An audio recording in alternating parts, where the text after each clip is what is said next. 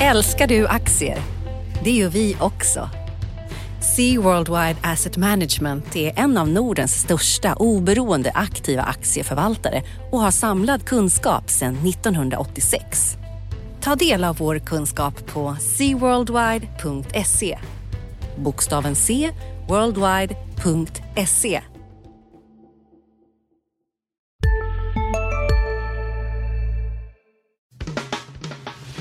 Analyspodden från Dagens Industri. Hej och välkomna till Analyspodden med Dagens Industri. Jag heter Felicia Åkerman och med mig på telefon så har jag min kollega Agneta Jönsson. Hej Agneta! Hej Felicia, hur är det med dig? Jo då, det är ganska fint. Vi är ju upp på börsen. Då är man alltid på bra humör. Just nu om jag inte ser helt fel på min skärm så ligger vi faktiskt lite plus för veckan. Eh, med OMXI upp knappt 2,7 procent nu. Precis, och vi är faktiskt inte så mycket ner. Efter den här senaste uppstussen så är vi bara ner 14 procent på årsbasis också. Så vi har kommit igen en hel del sedan botten här för ett par veckor sedan. Och det händer ju massor med grejer här på makro och räntefronten också. Ja, absolut. Men det känns som att det går nästan lika snabbt upp nu som det gick ner förut. Eh, vilket ger mig lite ont i magen spontant. Hur känner du inför det, den här ganska snabba rekylen upp som jag sett? Det har ju varit enorma stöd från centralbanker och från, eh, från regeringar och allting. Så att eh, ekonomin har ju aldrig stimulerats så mycket som det görs nu. Mm. Och de här stora stödköpen, men man pratar om Federal Reserve in och köper ETF och man pratar om att köpa aktier direkt i marknaden och sånt där också. Det är klart att det påverkar också. Och sen går vi in i rapportperioden nu, eh, vilket gör också att det blir en hel del slaget med positioneringar och sånt där. Mm, just. Vi kanske ska återkomma till rapportperioden lite på slutet, för den drar ju verkligen igång nästa vecka på riktigt. Eh, men, men har du något särskilt från veckan så där, som har legat eh, högt upp på agendan för dig? Precis, det har ju kommit, de stora amerikanska bankerna har ju kommit med rapporter. De tycker jag vi mm. kan prata lite om. Och sen har jag också skrivit en analys i veckan här utav Nordens största bank som vi kan ta med. Och sen har jag skrivit om lite intressanta mataktier för att få lite avkoppling här från allt bankeriet. Ja. Men vi kanske kan börja med storbankerna, för jag har velat prata med dig om det här eh, sen vi fick de första rapporterna här i början på veckan. Eh, framför allt så är jag väldigt intresserad av, det, det verkar finnas ett mönster av att tradingintäkterna har varit ganska bra tack vare volatiliteten, antar jag, under början av året. Ja, precis. Eh, men sen har man gjort stora reserveringar för låneförluster. Man gör det, det på sätt och vis att man bara flyttar pengar från en hink till en annan. Men samtidigt så måste ju det ändå vara en signal att bankerna ser kommande kreditförluster. Hur tolkar du de här reserveringarna? Jo, visst är det så. Sen eh, jag tittade på det här, JP Morgan Chase som är världens största bank, de är typ så här 12 gånger så stora som Nordea i börsvärde och så. Mm. Eh, var först ut också och pratade mycket om de här grejerna. De gjorde ju då förlustreserveringar på totalt 8,3 miljarder dollar, varav 6,8 då är det här som du säger för framtiden. Eh, tittar man på det här så var det väntat eh, 5,1 så det blev ju en liten eh, chock att de tog i så mycket. Och tittar man på hela förra året så var kreditförlusterna 5,6 miljarder. Mm. Dollar. I år tror man att det ska bli 22 då, så att det är en fyrdubbling. Men man har fortfarande gjort störst reserveringar för första kvartalet, sen minskade lite, ungefär sam, minskade lite i andra och så plingade av sen. Och det man gör också i USA, eh, precis som här, att man har gått ut med lättnader. Man har sagt till hushållen att de slipper betala på sina lån i 90 dagar. Även om de liksom är övertrasserade och så, så kommer det inte tas några extra avgifter eller eh, inkassoavgifter och sånt där. Så alltihopa fryser. Så det gör ju också att det blir en ännu större osäkerhet hur det här verkligen eh, kickar ut sen. Mm. Sen har inte de eh, sina bostadslån kvar på balansräkningarna utan de värdepaperiseras och säljs iväg, som du kommer ihåg som man gjorde med de här. Subprime-lånen förut. Och det gör man både med bostadslån och till stor del med billån också. Sen är ju amerikanarna överlag högre belånade och lever mycket mer på att konsumera i förtid än vad vi gör, även om vi är på väg åt det hållet så att säga. Så att det ställer ju också till problem här när så väldigt många blir av eh, med jobben. Eh, många lever ju så att säga i förskott. Man eh, handlar på sina kreditkort och så betalar man då eh, sin kreditkorträkning i slutet av månaden när pengarna förhoppningsvis kommer in. Och nu kommer de ju kanske inte att göra det på alla håll. Så att det är klart att där finns en jättestor osäkerhet. Eh, tittar man framöver så tror man ju att övriga intäkter, precis som nu, kommer att hållas uppe ganska bra. Även räntenetto, tradingnetto och sånt där. Men det kommer påverka lite på provisioner, framförallt på de här kortprovisionerna och sådana här grejer. Men de har också, kan man säga, jämfört med oss, eh, jag tittade på det här häromdagen också lite, hur man ser på det här med kreditgivningen. Vi har ju väldigt stora såna kalkyler, du vet, kvar att leva på, mm. man har gränser.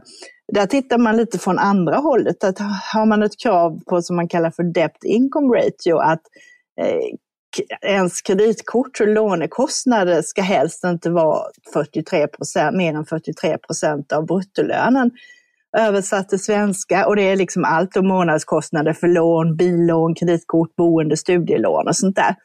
Och det innebär om vi har en svensk som har en bruttolön på 35 000 kronor så får krediträkningarna max vara 15 000 i månaden. Och det är ju ganska högt. Eh, det är ju ganska stora lån du kan ha på det sättet. Mm. Och det gör ju också att känsligheten blir större om det rasar neråt så att säga. Ja. Så det är lite bekymmersamt. Eh, men samtidigt om man tittar lite djupare så står det också att eh, amerikanarna har aldrig hyrt så mycket bostäder som de gör nu i historien.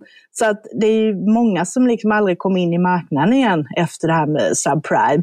Och många som inte kvalificerar sig. De mer liksom seriösa utlånarna på bolån, de kräver en kontantinsats på 20 procent, vilket till och med är lite högre än våra 15.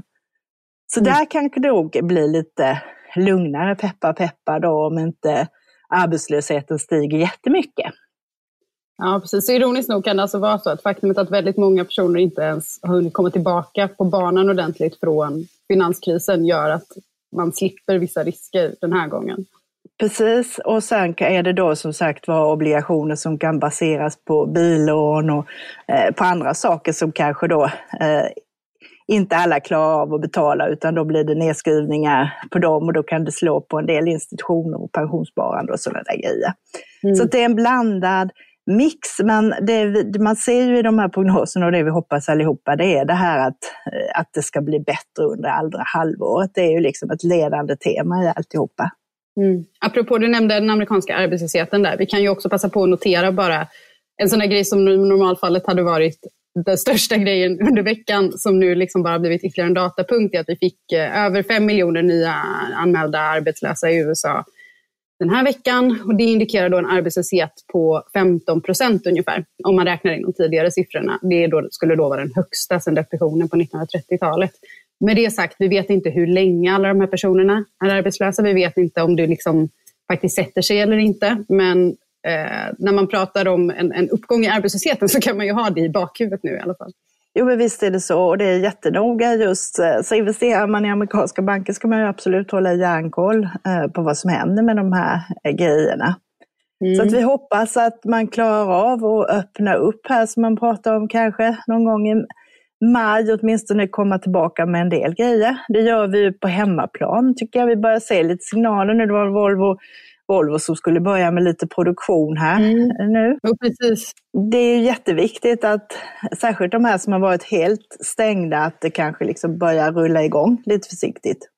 Man har ju sett vissa öppningar i Europa generellt, alltså länder som, som lättar lite grann, men, men det är fortfarande väldigt, väldigt små eh, utspel som görs. Eh, så det är nog det är svårt att veta liksom, och, och det är svårt för, för regeringar att veta också hur snabbt man kommer kunna gå framåt med det. Eh, för svensk del så kan man ju bara notera, eller jag, jag noterade hur, snacket kring Stockholmsregionen, eh, som ju har varit väldigt hårt drabbad i, i Sverige, eh, där man ändå har sett, ty, tycker sig se någon sorts platå. Eh, så att det, åtminstone liksom, det är fortfarande så att det är många som blir sjuka, men, men det ökar inte på samma sätt som tidigare. Men det är liksom, förutsättningen att hålla den platån är ju då att man fortsätter att leva som vi har gjort nu i en dryg månad, är det väl ungefär, som, som man har suttit hemma. Liksom. Eh, och det, det är ingen som vet helt enkelt om, om man kan både hålla de här stabila nivåerna och försiktigt öppna upp eller om det försiktiga uppöppnandet kommer leda till en ny acceleration. Och tills vi vet det så är det väldigt svårt att säga om, om när det här ska ske. De flesta pratar ju om att toppen har varit nu under Q2, så då borde man ju kunna tänka sig att maj, juni någon gång så ska vi börja komma tillbaka till någon sorts lite mer normalt tillstånd i alla fall. Men ja, jag vet inte hur mycket fokus man ska lägga på de prognoserna just nu. Det känns väldigt osäkert tycker jag. Det känns osäkert och det kommer säkert åka lite fram och tillbaka beroende ja. på när vi får positiva eller negativa nyheter. Eh, men eh, det är liksom, våra amerikanska bank, tittar på JP mm. Morgan så gick ju de som tåget förra året och har varit mm. en väldigt bra investering sedan eh, finanskrisen. Och då är frågan om det här blir ett hack i kurvan eller om vi kommer in lite, lite sämre de närmaste åren. För man hade ju ändå räknat med att konjunkturen skulle mattas av även om det här inte hade kommit så att säga. Mm, jo, precis. Exakt. Ja, och sen så du nämnde ju liksom alla de här jättestora insatserna som görs nu för att stötta upp företag i den här krisen. Och om man då tänker på, på mycket av de här eh, låneprogrammen som, som har lanserats, så de är i grunden bra, absolut. Men jag tycker att det, det, är, det skulle vara väldigt naivt att tro att det inte slinker med ganska mycket företag i den typen av program som nog kanske egentligen inte borde få lån i nuläget. Eh, som, som följer med för att man slår brett för att man måste göra det. Eh, och, och då jag funderar på hur det påverkar eh, liksom andelen dåliga lån eh, framöver. Kanske framförallt i, i USA.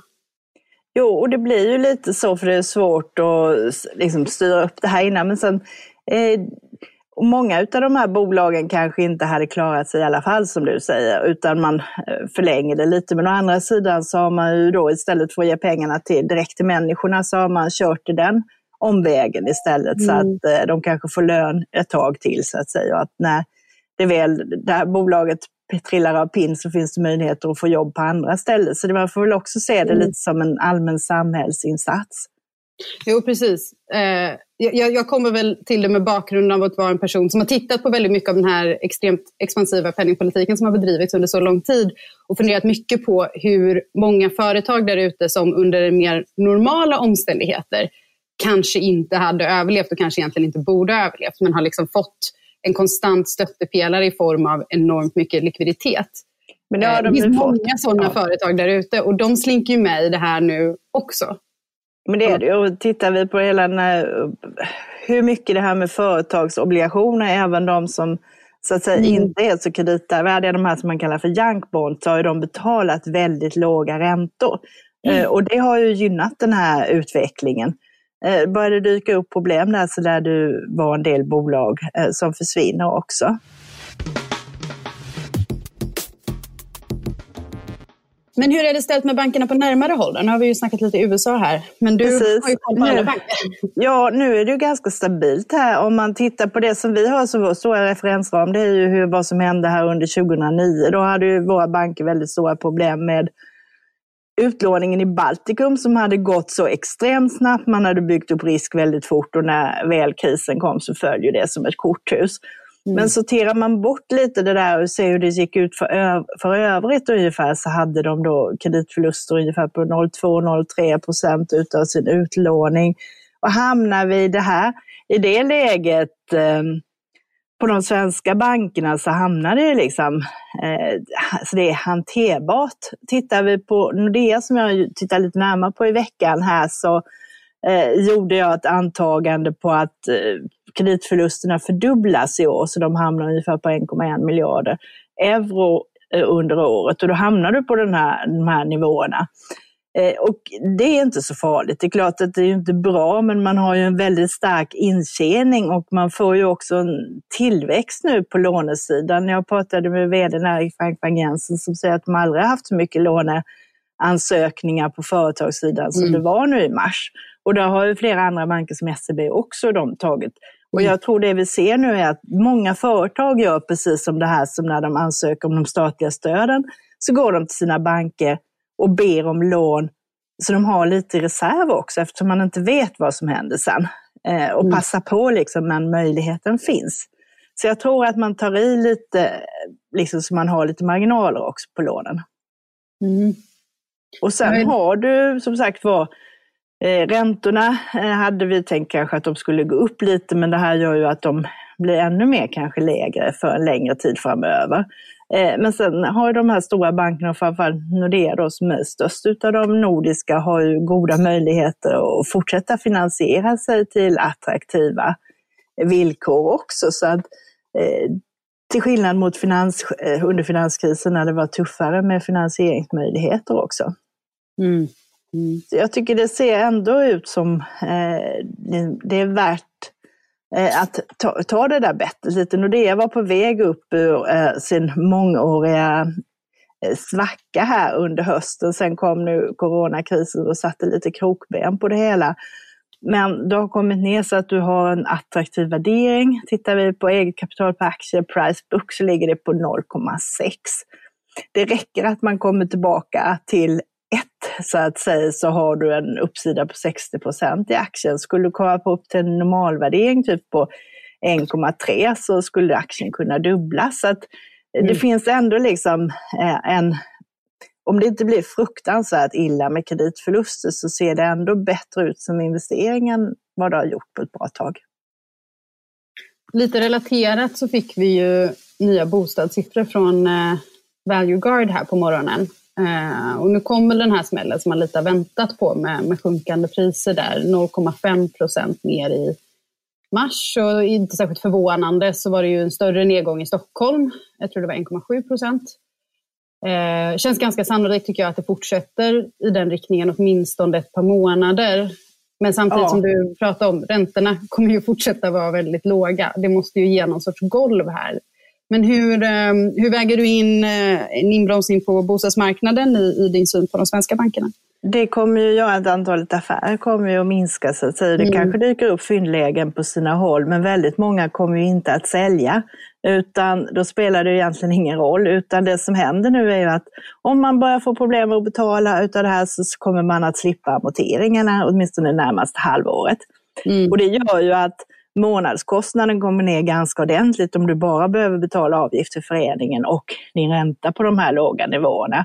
Då kommer även de som har blivit av med jobben att klara det här, särskilt nu då när eh, regeringen har gått ut och höjt eh, a-kassetaket också tillfälligt och fler blir omfattas av a-kassa. Så, så jag tror att vi inte hamnar i det här läget att vi får se några så att säga, men tvångsförsäljningar utom i liksom mm. enstaka olyckliga fall, människor som ska skilja sig eller att det har hänt någonting. Liksom. Men eh, annars kommer de flesta att sitta kvar i sina bostäder och betala ränta och avgift och vänta ut situationen. Och det kommer ju också att göra att eh, vi ser nu att utbudet av bostadsrätter och hus ökar ganska kraftigt, men eh, kommer folk inte att få det de vill ha betalt så kommer det inte bli några affärer utan då kommer utbudet då minska framåt sommaren och så kommer det ut sådana här som utav olika anledningar måste sänk, sälja och då kan priset bli lägre på dem. Det brukar vara det normala mönstret men så länge det här inte blir jättelångvarigt så tror jag inte på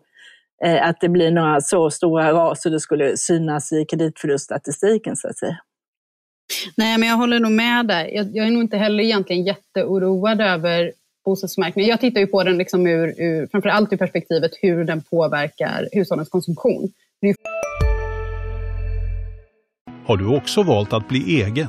Då är det viktigt att skaffa en bra företagsförsäkring. Hos oss är alla småföretag stora och inga frågor för små. Swedeas företagsförsäkring är anpassad för mindre företag och täcker även sånt som din hemförsäkring inte täcker. Gå in på swedea.se företag och jämför själv. Sista dagarna nu på vårens stora season sale. Passa på att göra sommarfint hemma, både inne och ute. Och fynda till fantastiska priser. Måndagen den 6 maj avslutar vi med Kvällsöppet i 21. Välkommen till Mio. Få saker som kan göra folk så oroliga och så snåla som när man ser att ens liksom, största den största delen av ens förmögenhet är knuten till en marknad som sjunker. Ja. Eh, det har vi ju sett tidigare exempel på i Sverige. Men så länge det här inte blir så utdraget så tror jag att du har rätt i att man avvaktar helt enkelt. Man, det är väl ingen som vill gå på visningar nu i alla fall. Eh, och då när det väl kommer tillbaka igen, om vi får liksom ett lite mer normalt samhälle här under andra halvåret, då tror jag att det finns ändå stöd för bostadspriserna och då tror jag inte, då borde inte smällen mot hushållskonsumtionen bli så stor heller som den Nej, skulle bli om vi såg stora tvångsförsäljningar. Då, då hade det blivit mer åka av. Men det känns ändå inte så sannolikt nu. Nej, precis.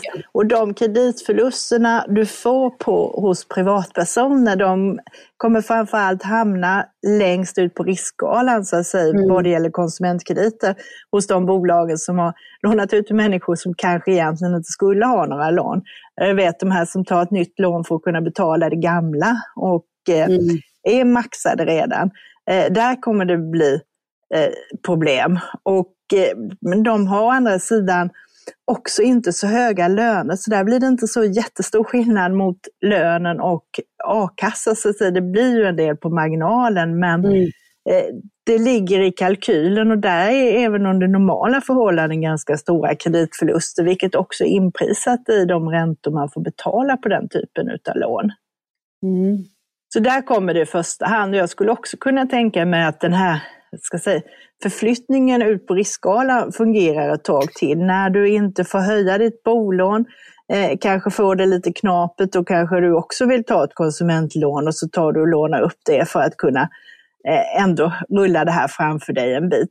Så att jag tror fler människor kanske utnyttjar den typen av krediter tillfälligt än vad det har varit tidigare.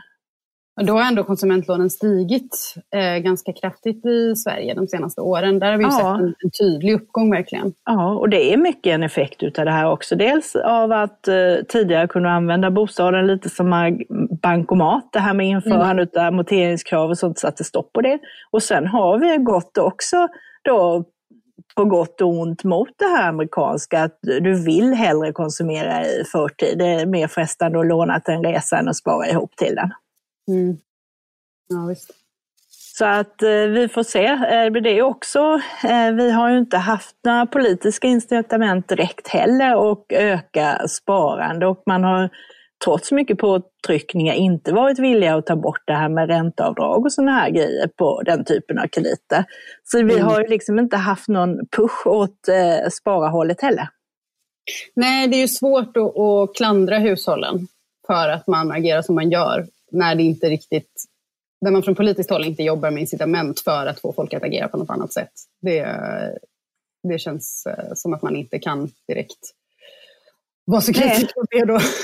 Det när man så har haft Så- möjligheten att göra Ja. saker men, men tyckt att det har känts politiskt helt enkelt för svårt. Som till exempel Ja. ränteavdragen är ett klassiskt exempel på det. Någonting som de flesta är överens om att vi kanske skulle behöva ändra på. Men ingen vill vara den som tar steget. Nej, och det är lite synd för det gör ju att eh, en del människor kommer att hamna i en betydligt svårare sits nu än vad de hade gjort innan om vi inte hade sprungit för långt åt det hållet.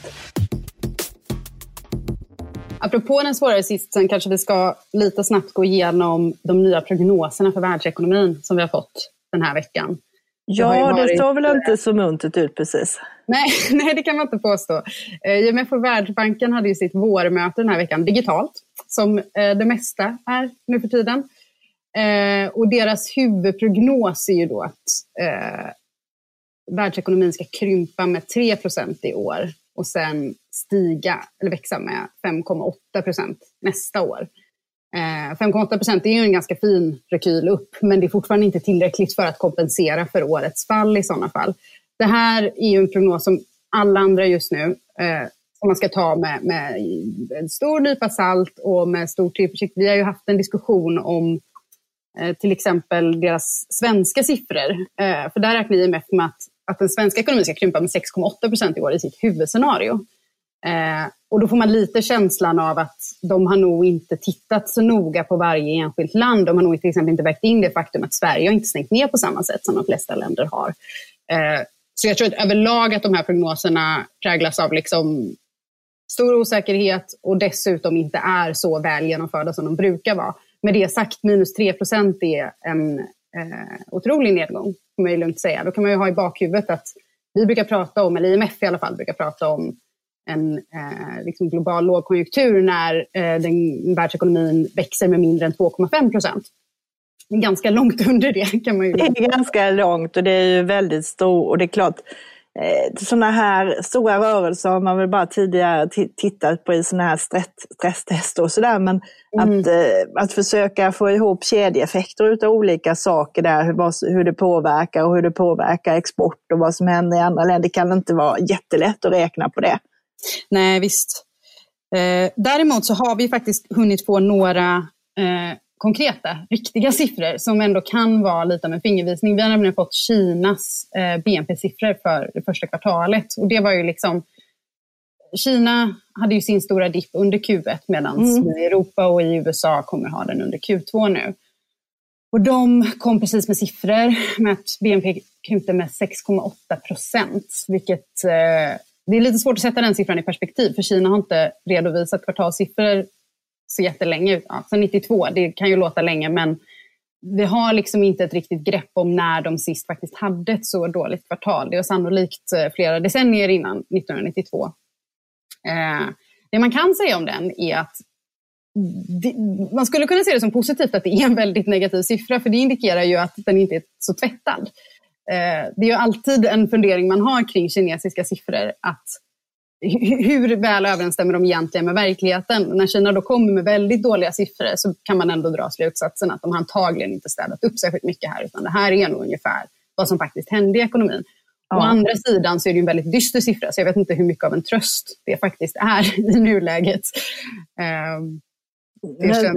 det, det blir jätteintressant att följa, för vi har ju sett att de var ju ganska snabba på att eh, öppna upp och komma igång, så att nu är ju mycket av produktionen tillbaka i alla fall. Jag tyckte jag läste siffran 90 procent eller något sånt där utav industrin är igång jo, igen. precis. Alltså det där tycker jag, det ska bli väldigt intressant att se vad som händer med det. För att ja, absolut, man har ju hört den där siffran om att ja, men 85 till 90 procent tillbaka på produktionssidan. Men eh, för kinesisk del så spelar ju konsumtionen jättestor roll också. Det är ju en ekonomi som liksom successivt har ställt om och blivit mycket mer tjänstedriven och mycket mer inriktad på den inhemska marknaden. Eh, och där, jag, jag, noterade att SCB gjorde en observation i, i, i, ett marknadsbrev här där de hade tittat på trafiken som ju har blivit en så här jättehärlig signal över hur det egentligen är ställt i ekonomierna just nu när man vill få snabba data. Och vad de kan se så är trafiken på veckodagar är ungefär tillbaka på normala nivåer. Folk är alltså tillbaka på jobbet som vanligt. Mm.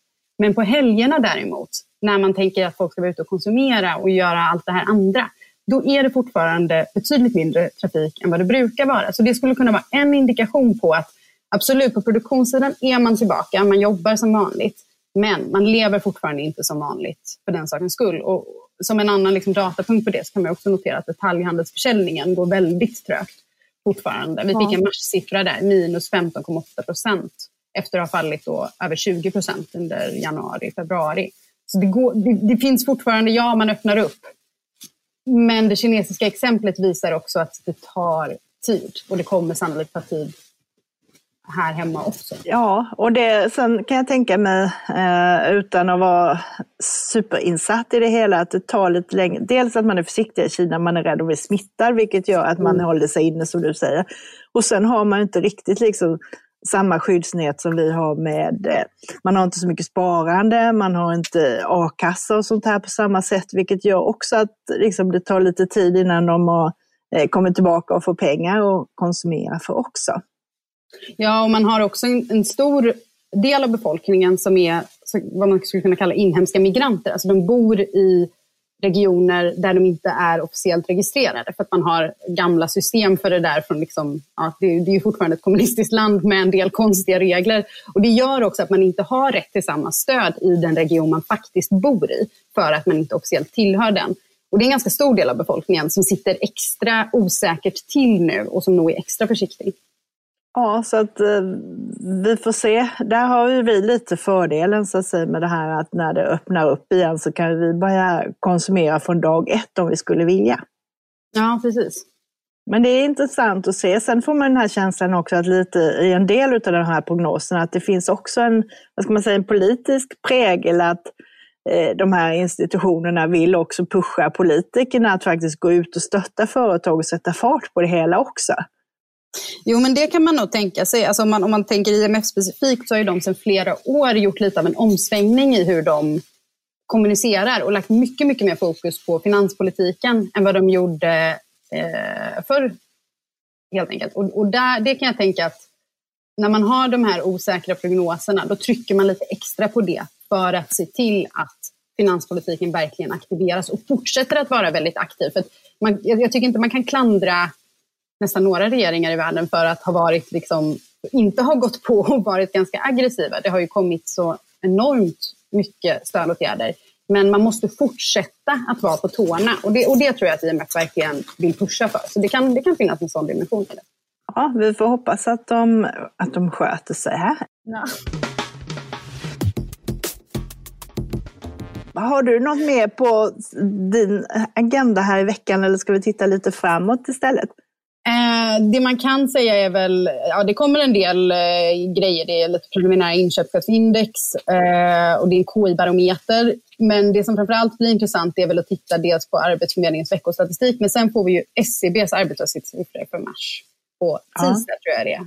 Eh, och de, nu har vi ganska bra grepp om det genom de här särskilda veckouppdateringarna från Arbetsförmedlingen. Men det är fortfarande det är många andra siffror som finns med där. Det är mycket, mycket större statistiksläpp. Så det ska bli väldigt intressant att titta på. Ja, och på bolagssidan kommer det ju hända jättemycket. Det startar ju ja. på måndag här med Sandvik som är först ut av de stora verkstadsbolagen. Och det är jätteintressant att se hur de påverkas för, de här riktigt cykliska grejerna, de här vändskären och det, hur mycket mm. som har blivit minskat där och hur de ser på utsikterna, hur det har gått i deras del som säljer till gruvindustri och sådana här grejer. Så att det är nog många som kommer att sitta på tå här på måndag förmiddag. Men hur ska man egentligen tänka på den här rapportperioden? Jag får lite känslan av att den är ungefär som typ alla makrosiffror just nu, nämligen att de är jätteintressanta, men de är överspelade redan när de kommer. Att Men visst är det så. Man fokusera på? Vad ska man titta på om man vill få sig ja. ett grepp om vart företagen står? Du har ju två delar. Dels har du liksom januari, februari som var normalläge och sen har du andra halvan i mars liksom, som gick rakt i backen och sen vad som har hänt eh, sedan dess. Så att siffrorna säger ju inte mycket utan man säljer mycket tilltro till vad bolagsledningarna kan säga och det är inte så jättelätt för dem heller. De kan ju säga hur det ser ut i den egna verksamheten men det kommer ju bli väldigt svårt för dem också att göra mm. eh, prognoser för då hamnar vi till det här, tillbaka till det här igen direkt. Hur lång tid kommer det här att ta? Mm. Så att det gör ju att det är både intressant men samtidigt tämligen ointressant. Det känns ju som att det kan bli ganska slagigt väl eh, i handen under den här rapportperioden just för att man inte riktigt vet vad man ska titta på, hur man ska tolka det. Att det kan bli väldigt stora rörelser som kan reverseras ganska snabbt när alla försöker liksom hitta ett nytt angreppssätt i realtid. Ja men visst kan det bli det. Vår kollega Mikael Wilenius skrev ju här att de senaste kvartalen har ju varit väldigt stora intraday-rörelser på mm. rapporterna och den dramatiken har ju ökat och frågan är om det inte blir ännu mer eh, sådant mm. denna gången. Det finns väl en hel del som talar för det. Det vore nästan konstigt om det inte blev det. Ja, så att eh, det kan man ju säga och då får du lite det här som du såg med JP Morgan, typ att Eh, man tittar på själva siffrorna och sen justerar alla sina prognoser och sen anpassar man kursen efter det här just omedelbara, så att säga, hur mycket sämre var den förväntan och så tar mm. du in det i kursen och så ska du liksom gå vidare därifrån. Och eh, då kommer du få en hel drös med justeringar från analytikerna också. Och det man brukar se är att den där effekten fortsätter. Liksom. Det hållet den går på rapportdagen och det hållet de justerade fortsätter ett tag efter rapporten. Så de som reagerar positivt tenderar att fortsätta gå positivt en månad och tvärtom då så att säga. Mm. Så, så man kan att, ha lite is i magen där precis, precis när man har fått siffrorna och ändå kanske ha lite att hämta Ja, precis. Så att, eh, och eh, titta lite på vad det är, liksom de här olika komponenterna. Vad är historia, vad är framtidsutsikter? Kommer det bli stora prognosnedjusteringar? Och vad ligger i kursen redan nu? För en del har man ju liksom aktiemarknaden redan sprungit före och diskonterat liksom vad som händer eh, närmaste två kvartalen framåt. Mm. Så det blir, ja. det, det är aldrig lätt att komma rätt i aktiemarknaden och nu, är det, nu finns det ytterligare då en jättestor osäkerhetskomponent i och med det här eh, corona som är ytterligare svårt, för du kan ju liksom inte räkna eh, på det, hur det här händer, om det kommer tillbaka i en andra våg eller en tredje våg eller om det klingar av överhuvudtaget. Nej, precis. Eh, mer eh, flytande och större osäkerhet. Lite som vanligt nu för tiden. Då, precis, och det vi ställer hoppet till det är våra fina läkemedelsbolag här runt om i världen. Eh, nu var man ju glad idag på eh, positiva studier på Gileads medicin, den som var gjord för att använda mot ebola från början. AstraZeneca har ju också ett annat preparat som används för blodcancer som också verkar lovande på corona. Så får vi fram de här eh, olika typer av mediciner som kan liksom bromsa och stoppa de här mm, mest otäcka förloppen så tror jag också att vi kanske kan våga liksom, andas ut lite. Ja, ja, det ska faktiskt bli väldigt intressant att se om man känner sig bekväm med att Säg att man skulle få ett par sådana behandlingar som visar sig funka rätt bra som behandlingar på corona också om länder känner sig tillräckligt bekväma med det för att försöka gå tillbaka till ett normaltillstånd eller om man ligger kvar i att nej, vi måste ha ett vaccin innan vi kan göra det. För om vi måste ha ett vaccin, då är det ganska lång tid kvar innan vi har liksom en vardag igen. Ja, jag tror att märker du det att du kan förhindra att folk hamnar på intensivvården, och mm. kanske behöver komma in på sjukhus, man får äta medicin några dagar och sen så eh, går ju immunförsvaret tillbaka till normalt. Då blir det ju mer likt en vanlig influensa, liksom, för då slipper du det här mm. otäcka med eh, att man inte kan andas och alltihopa. Ja, men på den eh, lite hoppfulla slutklämmen så kanske vi ska avsluta och ta helg. Eller vad säger jag tycker, du? Jag tycker vi gör det och gläder oss att vi i alla fall så här långt har en börsvecka som slutar positivt. Ja, ja men man får vara glad åt det lilla. Och om man vill fortsätta glädjas och lyssna på intressanta saker i helgen så kan man ju titta på våra övriga poddar. Vi har bland annat ett nytt avsnitt av Makrorådet med vår kollega Viktor Munkhammar som är ute den här veckan. Väldigt underhållande skulle jag säga, värt att lyssna på. Sen har vi Förnuft och känsla, den här podden som handlar om ledarskap. Och så har vi också Smarta pengar om privatekonomi. Och det är Digitals, Digitalpodden, som handlar allt om tech och startup. Och sen kan man också lyssna på Ekonomistudion och Morgonkoll som är våra dagliga poddar. Så det finns eh, alltid mer att lyssna på helt enkelt. Jag tror jag ska passa på att lyssna på Makrorådet här när jag går min lunchpromenad idag. Låter som en bra plan. Trevlig helg allihopa där ute. Hej då. Analyspodden från Dagens Industri. Programmet redigerades av Umami Produktion. Ansvarig utgivare Peter Fellman.